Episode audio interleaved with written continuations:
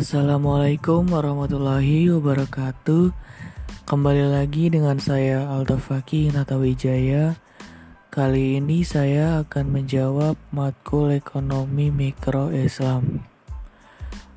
Uh, Di sini ada lima ada delapan pertanyaan dan saya akan bacakan satu-satu.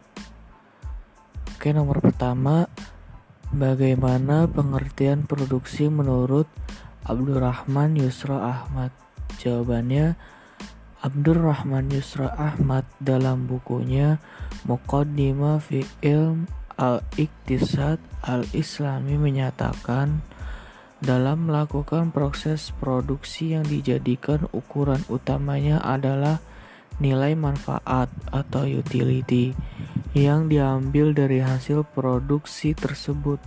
Dalam pandangannya harus mengacu pada nilai utility dan masih dalam bingkai nilai halal serta tidak membahayakan diri bagi diri seseorang ataupun sekelompok masyarakat. Jadi uh, maksudnya menurut Abdurrahman Yusro ini ketika ingin melakukan proses produksi ini pertama itu manfaatnya apa sih manfaat kita melakukan produksi barang tersebut apakah produk tersebut dapat membawakan banyak manfaat kepada masyarakat orang lain atau justru sebaliknya e, malah merugikan masyarakat atau sekelompok orang lain.